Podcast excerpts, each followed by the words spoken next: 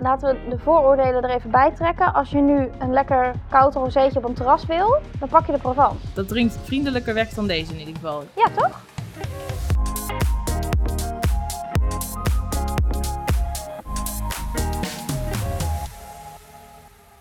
Yes, daar zijn we weer met een nieuwe aflevering van Wij van U. Dit keer ehm, is het lekker kleurrijk, want we zijn zuurstokroze, knalroze, zalmroze, want we gaan het hebben over rozees. Toch Alicia? Ja, zeker.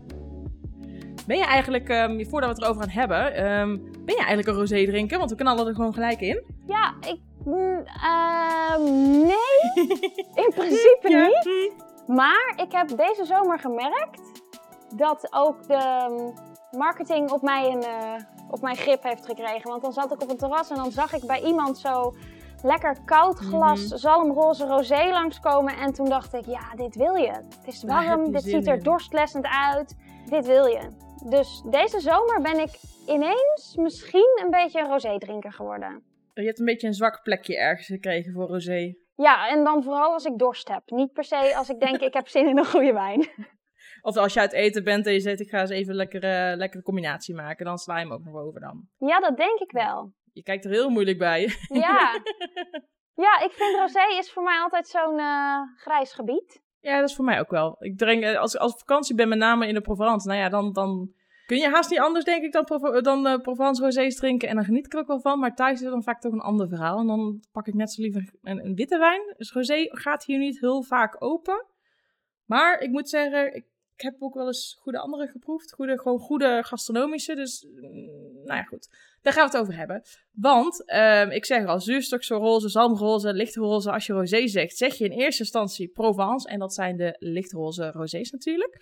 Ehm, en die zijn de afgelopen jaren best wel ehm, nou, bekender geworden. Steeds bekender. En hoe kan het nou eigenlijk, daar gaan we het dan over hebben, dat de Provence die lichtroze rosé zo groot heeft gemaakt? Is dat een kwestie van smaak of marketing? Of, nou ja, wat jij zegt, je ziet het bij een ander en op die manier gaat het vanzelf groeien. Ehm, wist jij eigenlijk, Alicia, dat Frankrijk überhaupt het land is waar de meeste rosés worden geproduceerd? Nee, maar dat is wel aannemelijk. Ja, ik was het een beetje aan het zoeken. Ik vond het cijfertje niet heel verrassend. Ehm, ik vond het wel verrassend dat ze zelf ongeveer een derde van alle rosés op de wereld ook zelf drinken. Dus nee, vind ik ook geen verrassing. Nee, nee. Ja, ik, ik moet zeggen, bij Frankrijk denk ik toch aan rode wijn. Maar dat is misschien mijn eh, perceptie. Ja, misschien gewoon wijn in general. hey, eventjes. ehm, ik heb WC2 gedaan, jij WC3. We zijn allebei met wijn bezig. Maar neem ons eens eventjes mee voor de luisteraars die het niet weten. Ja. Hoe maak je nou eigenlijk rosé? Laten we daar gewoon eens eventjes kort beginnen. Nou, je kan eh, dat op meerdere manieren doen. Je kan eh, gewoon de makkelijkste manier is rood en wit bij elkaar flikkeren. Maar dat mag in Europa niet. Behalve bij champagne. Ja, die zijn altijd de uitzondering. Die toch? hebben altijd uitzonderingen. Eh, maar dus de, de, de Europeanen die, eh, die mogen dat niet doen. En een andere manier is om eh, rode of blauwe druiven te persen en dan de schilletjes daar even bij te laten weken. Waar de kleur, misschien wat tannines en smaak vandaan komen. En dan maar Ja, heel en dan kort. Is het dan ook dat, dat hoe donkerder de druif, hoe donkerder de rosé? Of ja, waar heeft dat mee te maken? Dat kan. Dus dat de druif eh, het schilletje meer ehm, eh, kleur afgeeft. Maar het gaat ook om de schilweking. Dus hoe lang die, het, het sap, het most, bij de schilletjes heeft gezeten. En dat Ja. kan van ongeveer 8 tot 48 uur, geloof ik, dat ze dat erbij eh, laten. En dan geeft dus dat schilletje de kleur af aan de wijn. Ja, en als je dat dan bijvoorbeeld bij een Cabernet Sauvignon druif eh, 48 uur doet, dan wordt hij dus, eh, nou ja, zuurstokroze, bij wijze van spreken. En als je dat dus wat korter doet, dan eh, krijg je dus van die lichte uh, salmroze. Ja, de, de, de variant eh, die we van de Provence kennen. Wist jij ook dat, ehm, of nou ja, wist je misschien wel, want we hadden het er voor- van tevoren over gehad, maar dat die lichtroze rosés, die werden dus heel lang gezien als mislukt of minder geslaagd. Ja. Tenzij je dan maar wat ijzer in gooide, want dan was het eigenlijk nog best wel lekker zo licht. Ja. Maar dat is natuurlijk wel veranderd, met dank voornamelijk aan de Provence. Er zijn er inmiddels ook behoorlijk wat grote namen die daar vandaan komen. Ja, nou, ik weet wel dat rosé is altijd een beetje een ondergeschoven kindje. Ehm, en eerst waren eigenlijk juist de donkerdere rosés in, omdat dan daar meer smaak aan zou zitten bijvoorbeeld. Omdat Mhm. het eruit ziet alsof het veel voller qua smaak is. Nu zie je eigenlijk overal, alleen maar elke wijnwinkel ook die je binnenstapt of eh, op een menukaart. Overal zie je de lichte, eh het zij Provence rosés of andere rosés die dan toch wel dat lichte tintje hebben overgenomen. Ja. En ik denk dat dat toch wel, dat daar een hele goede content creator in de Provence heeft gezeten.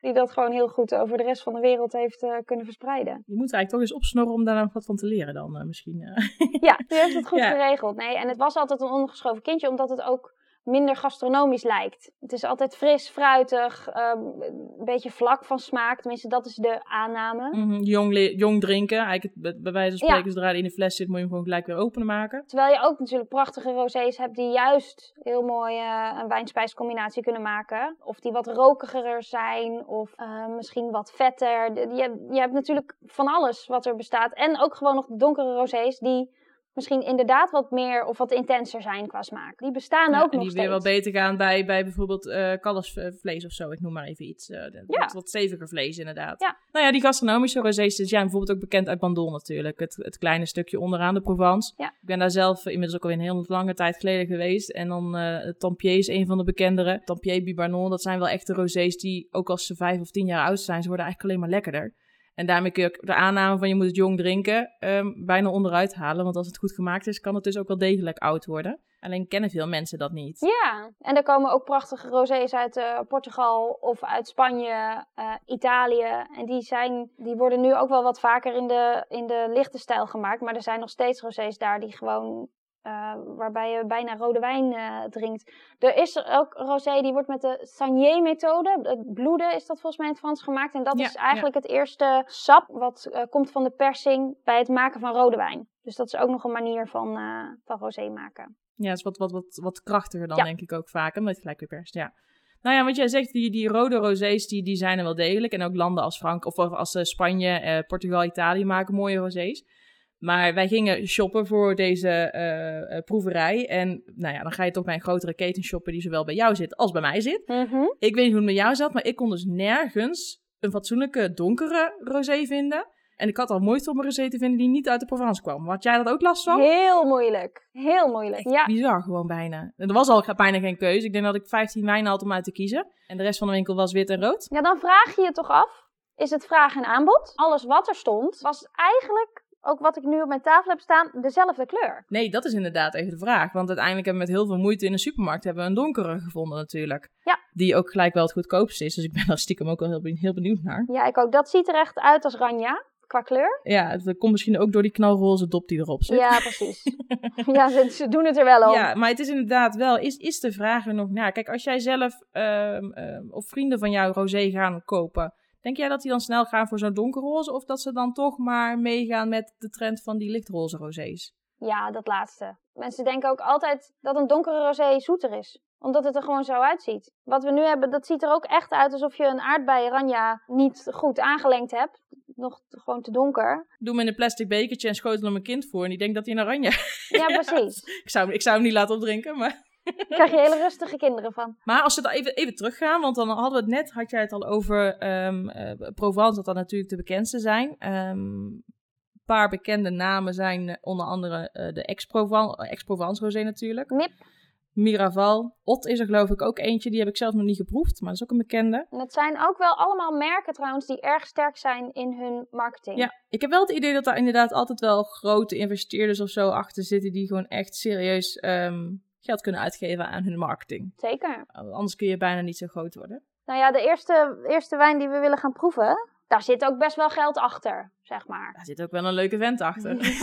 Ja, ik wil best een rozeetje met hem drinken. Ik heb hem nooit ontmoet, maar inderdaad, ik wil er ook wel mee aan tafel voor een rozeetje. Ehm, dat is de eh, van Miraval, van Brad Pitt. Heeft hem eh, het landgoed in ehm, de Provence 2011 gekocht, samen met, nou ja, Angelina Jolie. Ja, maar hoe zit dat nou? Die zijn niet meer bij elkaar. Die zijn niet meer bij elkaar en volgens mij zijn ze onderling ook nog aan het ruzien over wie wat krijgt. Brad Pitt wil volgens mij het wijngoed houden, maar zij heeft volgens mij haar aandeel verkocht. En nou ja, goed, dat, dat, dat- er is in ieder geval een hoop geroezemoes. Oh, Maar de wijn die verkoopt nog steeds. Dus die liefde, die voel je straks terug in je, in je glas.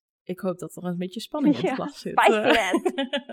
ja, nee, dus die hebben we. Ehm, we hebben ook een andere bekende naam die vooral bekend is van de... eh, het zijn vaak ook gekke flessen natuurlijk uit de Provence. Ja. Of tenminste opvallende flesvormen. Eh, dat is deze ook van Chateau eh, de Berne. In dit geval is het de ronde fles met glazen dop, maar je hebt er ook een vierkante fles van. En dan gaan we daarnaast gaan we twee wijnen proeven die dus niet uit de Provence komen, maar ook op een iets andere manier gemaakt zijn of met andere druiven. En dat is er eentje uit Nieuw-Zeeland. Dat is een Pinot Grigio Blush.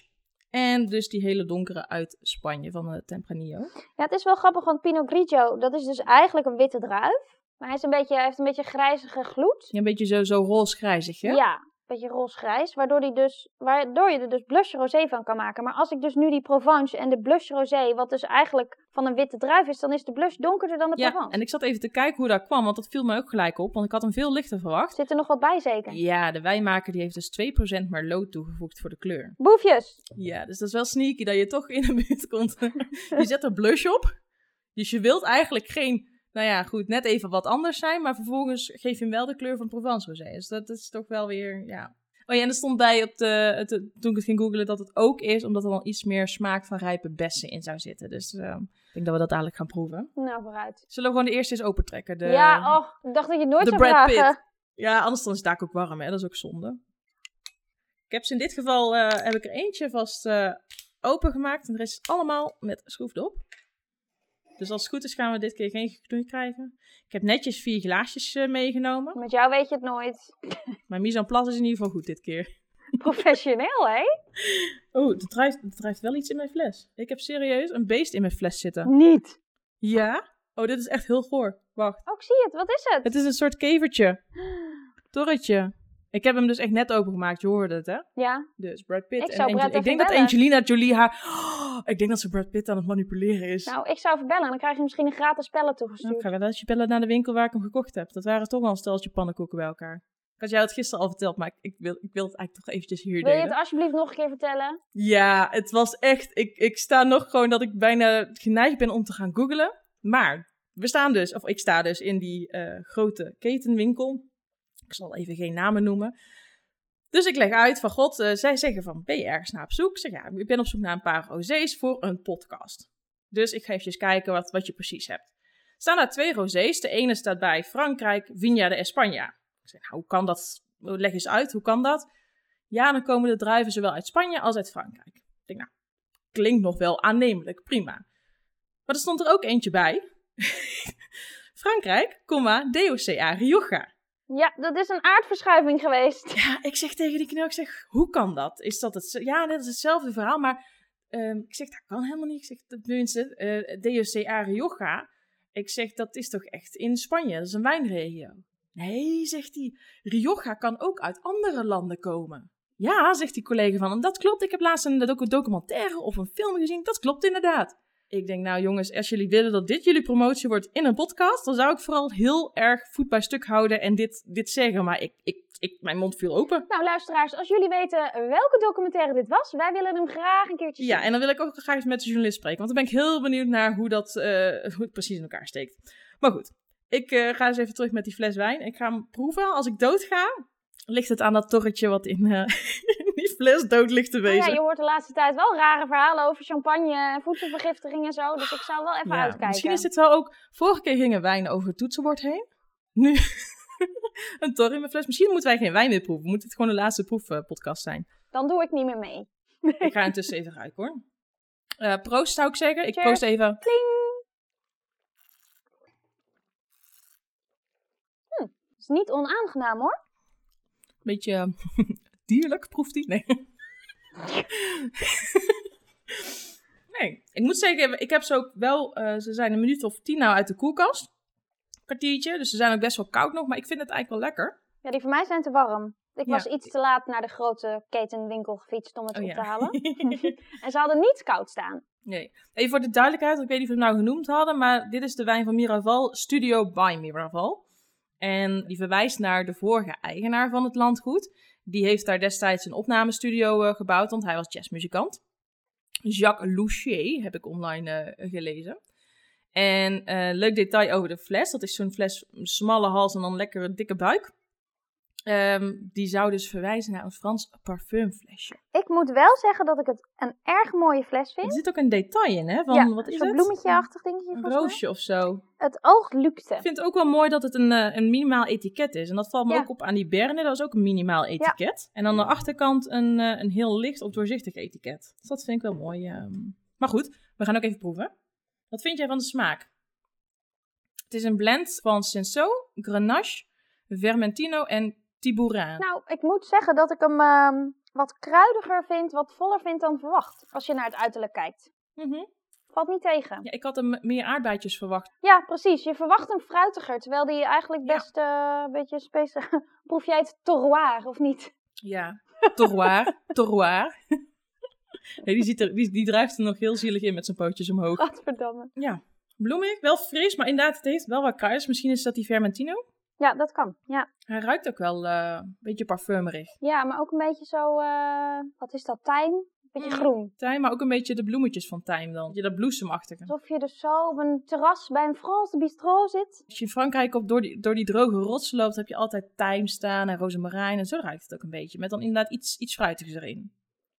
Maar ik mis misschien in de smaak, en dat heb ik graag bij rosé, dat het toch een beetje wat eh, fruitiger is. Hij is wel echt, echt strak droog. Ja. Maar dat, dat, vind ik op, dat vind ik dan wel weer lekker. Het is niet, niet commercieel zoetje of zo. Nee, ik denk een lekker visje hierbij of zo zou hem goed doen. Iets vettigs Ja. misschien. En eh, hoe heet zo'n dingetje? Sardientje van de bakplaat. Altijd goed. Ja. We doorgaan naar de volgende? Want dat is ook eh, zo'n lichte rosé, maar dan van Berne. En die komt eh, iets oostelijker uit de Provence, als ik het goed zag. Binnenland van Saint-Tropez. Heel leuk, een glazen, of zo'n fles met zo'n glazen stopper. Ja. Ik vind het altijd wel chic. Niet heel handig openmaken, vind ik zelf. Maar Ik vind dat eng. Moet ik hem kapot maken of zo, weet je wel?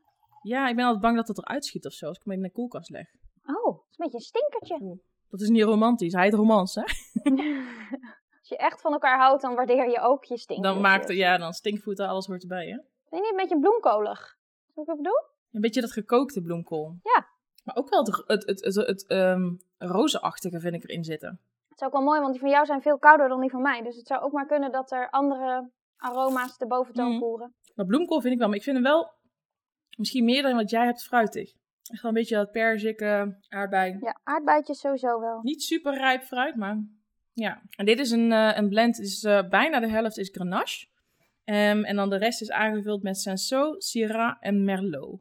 Ja, qua kleur is hij nou, eigenlijk nagenoeg hetzelfde. hè? Ja, identiek zijn ze. Ik vind nu de Miraval wat vriendelijker. Als ik hem gelijk. Ik proef. heb wel het idee dat de Miraval ietsjes lichter is in mijn glas. Hm, het is inderdaad, die Miraval vonden we net wat kruidiger. Ja. Maar ik vind hem nou wat meer naar de, iets, iets, iets meer citrusachtig en wat, wat meer fruit toch hebben, denk Ja. ik. Ik ook. Deze is wel wat zachter qua, qua zuren. Iets sappiger. Ja, wat voller is die. Ja. Maar qua stijl verschillen ze alsnog niet heel veel van elkaar. Nee, het is wel echt, je, je merkt wel dat het echt uit dezelfde regio komt. Ja. En wat schelen ze qua prijs? Ehm, de Miraval zat op 13 euro en deze zat op 10 euro. Afgerond naar boven. En de Miraval is de duurste hè, van het rijtje. Ja, ja, dus de duurste inderdaad. Eh, en daarna die, eh, die Berne. Dus die is in verhouding iets goedkoper. Het zijn allebei zijn het dus bedrijven die in handen zijn van, van rijke stinkers. Eh Miraval is bij- van eh, Brad Pitt. En Berne schijnt in handen te zijn van een Engelse zakenman die het patent op contactlenzen ooit heeft aangevraagd. Dus die is ook wel binnengelopen, gok ik zo. Maar ik wou zeggen, ik, ik sponsor die man elke dag. Maar ik moet wel zeggen, als je ook naar het etiket kijkt, het is een heel lang etiket, heel simpel, sierlijk romans opgeschreven. in het midden zeker. staat dan het logo. En onderaan jaartal en ehm, eh, IGP Mediterranee. Welk jaar heb jij? Eh 21. Ik zat er net naar te kijken, inderdaad. ik ook. En dan ga ik even bij de studio kijken. Ook 21. Dus inderdaad, allebei lekker jong drinken. Ja. Zullen we doorgaan naar een andere? Want we hebben nog twee staan. Gut, ik heb mijn glas nog niet leeg. Ik heb geen spuugpak bij. Ja, die heb ik dit keer wel klaargezet. Mama mij de vorige keer verteld. ik eh, open was de, eh de walvis start. Whale Still, wel een bekende. The Whale's Tail from Marlborough, New Zealand. Yes, yes. Dit is de eh, Pinot Grigio Blush. Die is een jaartje ouder, 2020. Dus die is eigenlijk, als je het vergelijkt, dus anderhalf jaar ouder.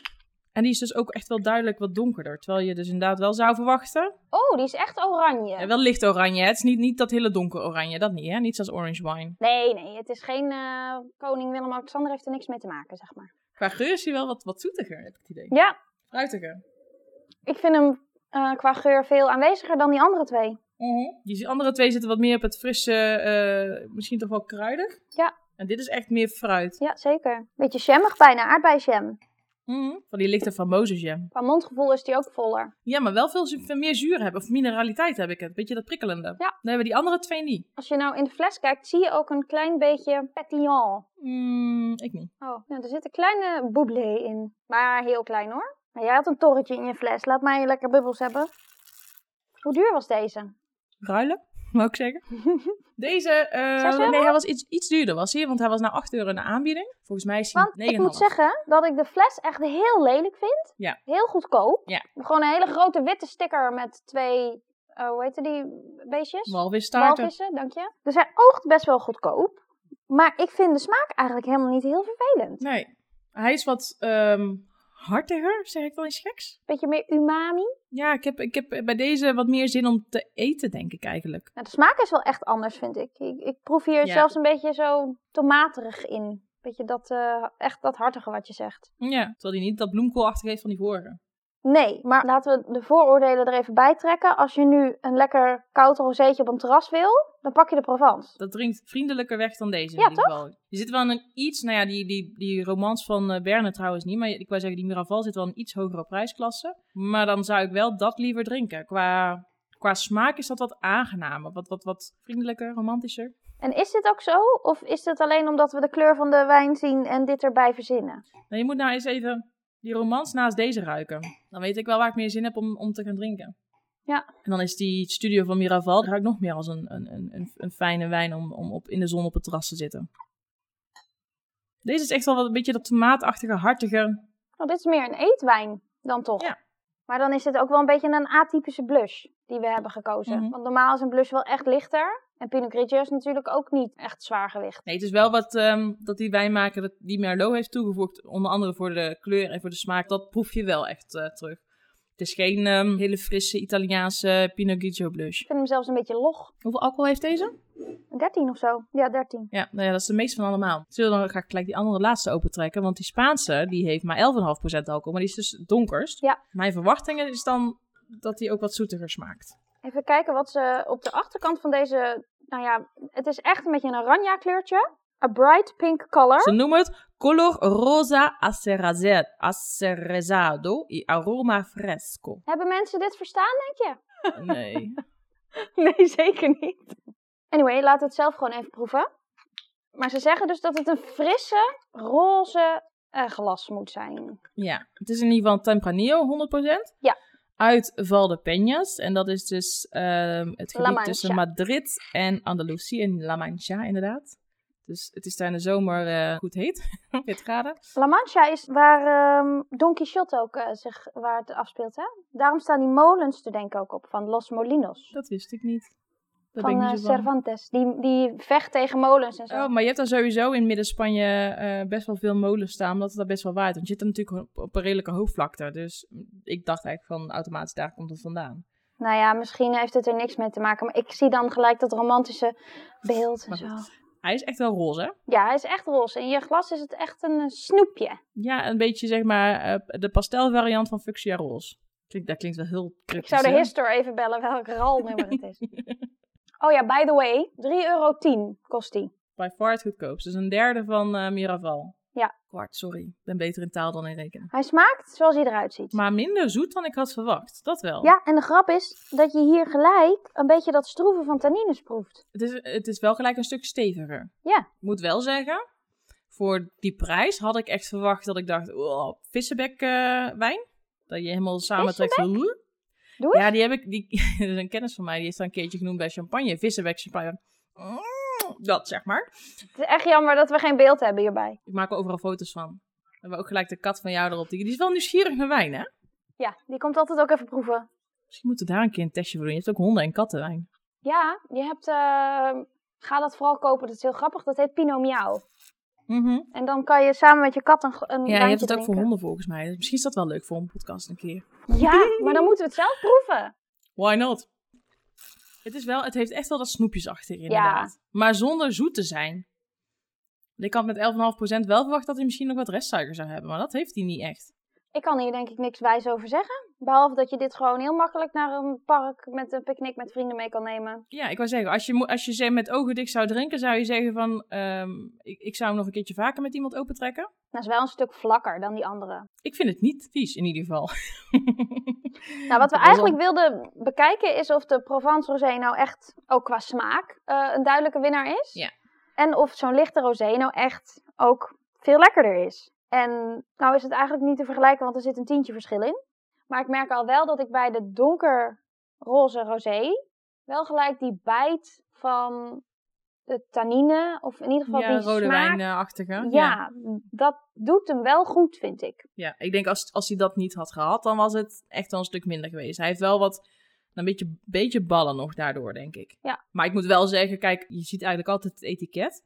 Het ziet er wel allemaal een stuk sexier uit, hoor. Die twee die we gekozen hebben. En misschien, eh, kijk, als je verder kijkt wat er in de winkel stond, of uit de Lange Dok, ehm, of uit de Pays-Doc, en de andere wijnen uit de Provence, het is allemaal wel een bepaalde frisse, zomerse, Saint-Tropez-achtige stijl qua marketing, vind ik. En dat Ja, zeker. maakt het ook wel aantrekkelijker om te drinken, denk ik. Dat, bedoel, dat werkt toch ook mee. Absoluut. Ik bedoel, als, als wij in onze pyjama op een festival staan, dan zijn wij ook iets minder aantrekkelijk dan wanneer we een leuk jurkje of een leuke jumpsuit aan hebben. Moet jij eens opletten.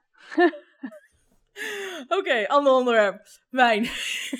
Nee, maar dat klopt. Die, die Los Molinos, ook het etiket ziet er een beetje zakkerig uit. Ouderwets. Ja, die Whale's Tail, ehm, hij is eigenlijk helemaal niet zo heel vies. Maar ook dat etiket, je, er is vast liefde en aandacht aan besteed. ja, maar ik denk wel, als je beide etiketten zou veranderen, met, kijk, met name van Los Molinos, als je daar die knalroze dop vooraf vanaf haalt, ik denk dat dat al heel veel scheelt in de ervaring. Ja, want de dop vloekt gewoon met de rosé die erin zit. Ja, maar dat is echt van dat paars-roze dat je denkt, ja, hoe kom je erop? Maar is het dan dus eigenlijk een beetje de conclusie? Kijk, Provence Rosé is ook gewoon echt lekker goed koud glas op een terras. Die kleur, die blijkbaar is dat toch iets psychisch. Dat je denkt, dit is verfrissend, dit wil ik hebben. Maar dus de marketing is ook een heel groot aandeel. Als een fles er toch gelikt eruit ziet, dan zal je die ook eerder als cadeautje voor iemand kopen dan dat er een Ja. suf etiket op zit. Ja, maar die andere twee zou ik niet zo snel als, e- als, als cadeau kopen. Terwijl deze, doe daar inderdaad een mooi folietje omheen en een, een, een, een, een mooi eh, eh, touwtje om het af te maken. En je hebt gewoon echt een cadeau waarvan je denkt, dit, ik geef ook echt iets. Nou ja, bij dit heb je het idee dat mensen ehm, die een jacht hebben in de haven van, eh, nou ja, Mhm. ergens aan de Provence, die dit in grote koelers in het ijs op hun boot hebben staan en dat de hele dag doordrinken. Dat idee krijg je er wel echt bij. Ja, het Saint-Tropez gevoel eh, waarbij je gewoon Ja. met de voetjes in de zon ligt en met je grote hoed op, eh, op het terras zit. Ja. En dat is uiteindelijk wel, kijk, als je dat drinkt, dan krijg je dat gevoel ook wel een beetje, heb ik het idee. Tuurlijk, wijn is sowieso niet alleen bij rosé, bij alles is wijnbeleving. Het verhaal wat er verteld wordt, ehm, het- ja, het, is het etiket. We, ik geloof dat eh, etiketten met dieren erop. Hmm. We kopen het allerbeste. Ik heb in een wijnwinkel gewerkt. Als er een cadeautje gezocht moest worden, dan was dat ene ding met die gorilla of dat vogeltje erop. Met name door vrouwen. Mannen Ja. schijnen meer voor de klassieke chateau-etiketten Ja, te gaan. Want dat ook is al dan is het duurder. geen chateau. Ja. Ja. ja, dus dat is ook wel een grappige perceptie. Misschien ook, ook nog ooit de moeite waard om een eh, podcast over te maken. Maar in dit geval, ik vind het vooral tof dat het hele minimalistische etiketten zijn. Want je ziet soms inderdaad etiketten waar van alles opgetekend is. En hier staat eigenlijk alleen bij allebei, de Provence wijnen dan, de naam op. En het logo en that's it. En een andere fles. En een ander soort fles inderdaad. Het is, het is niet de standaard fles, geen Nee. standaard Bourgogne fles of, of standaard Bordeaux fles. Maar het is echt wel net even wat anders. Wat, wat, die romance is eh, heel rank en, eh, en slank en lang. En die andere heeft inderdaad een lekker kontje, zeg maar. Daar betaal je ook voor. Ja. Want een prijs eh, van een eh, wijn is altijd opgebouwd uit verschillende segmenten. Prijs voor het glas, eh, nou, voor het wijn maken, eh, voor het etiket, de marketing, de verschipping, eh, de accijns. Daar is de... En hier betaal je best wel wat voor, maar het ziet er ook gelijk goed uit. Ja, maar net zoals bij, ik weet niet of het je is opgevallen, maar bij die Berne heb je natuurlijk die glazen dop. Dat kost ook weer extra geld Mhm, ten opzichte zeker. van een kurk. Maar er staat ook bovenin de fles staat de letter B gegraveerd. Of tenminste, die zit erin verwerkt in het glas. Ja. Dat zijn ook details die geld kosten. Ik bedoel, dat, dat is niet gratis. Het is geen standaard fles. Het is echt een op maat gemaakte fles. En tuurlijk, ga je meer massa draaien, dan wordt het in verhouding interessanter voor zo'n wijnproducent. Maar het maakt wel net eventjes dat je denkt, oh ja, er is wel echt over elk detail nagedacht. Weet je wat we nu missen eigenlijk dan in dit rijtje? Een goedkope Provence. Want we hebben nu best wel boven een tientje allebei. En dat zijn gewoon goede wijnen. Ze zijn, je proeft dat ze goed gemaakt zijn, zijn in balans. Het Eh. moet je smaak zijn, maar ik vind ze allebei, eh, weet je, wat, waar de rosé nu voor gemaakt is, is op een terras te gaan zitten en dat de hele dag lekker te drinken. Daar zijn ze echt gewoon goed voor gemaakt. Nou ja, en kijk, ze schelen 3 euro, maar ik denk dat ze qua smaak echt wel heel dicht bij elkaar in de Ja. buurt komen. Dat, het is echt om het even persoonlijke smaak welke je, welke je liever drinkt, denk ik. Ja, maar ook de naam, hè? Zou jij, ben jij niet nieuwsgierig naar welke wijngaard Brad Pitt heeft gekocht? Eh, ja, dus dat koop je dan een keer, ook al is het 13 euro. Maar je vindt dat toch gewoon, weet je, en wij houden van wijn en we, we eh, hebben wat kennis over wijn. Dus dan Ja. kan je misschien wat beter uitzoeken. Maar mensen die dat niet hebben, Die denken, hey, die moet ik hebben, want dat is van Brad Pitt. Maar zeg eens eerlijk, had jij die al eerder op? Nee. Ik ook niet. Omdat ik dan denk, ja, Brad Pitt, dag. Ja, boeien. Ja, die Berne, ik heb er voor een andere variant ervan wel eens op, omdat we die hadden bij het horecabedrijf, bij het restaurant waar ik ooit heb gewerkt. En dat vond ik wel echt zo'n aangename, typische uh, Provence wijn. Maar eh, als je zegt van Provence wijn, we hebben er geen goedkope tussen staan. Altijd als ik in Frankrijk ben, je hebt daar een, een, een wijn die heet Manon. Dat is toch leuk om te kopen natuurlijk.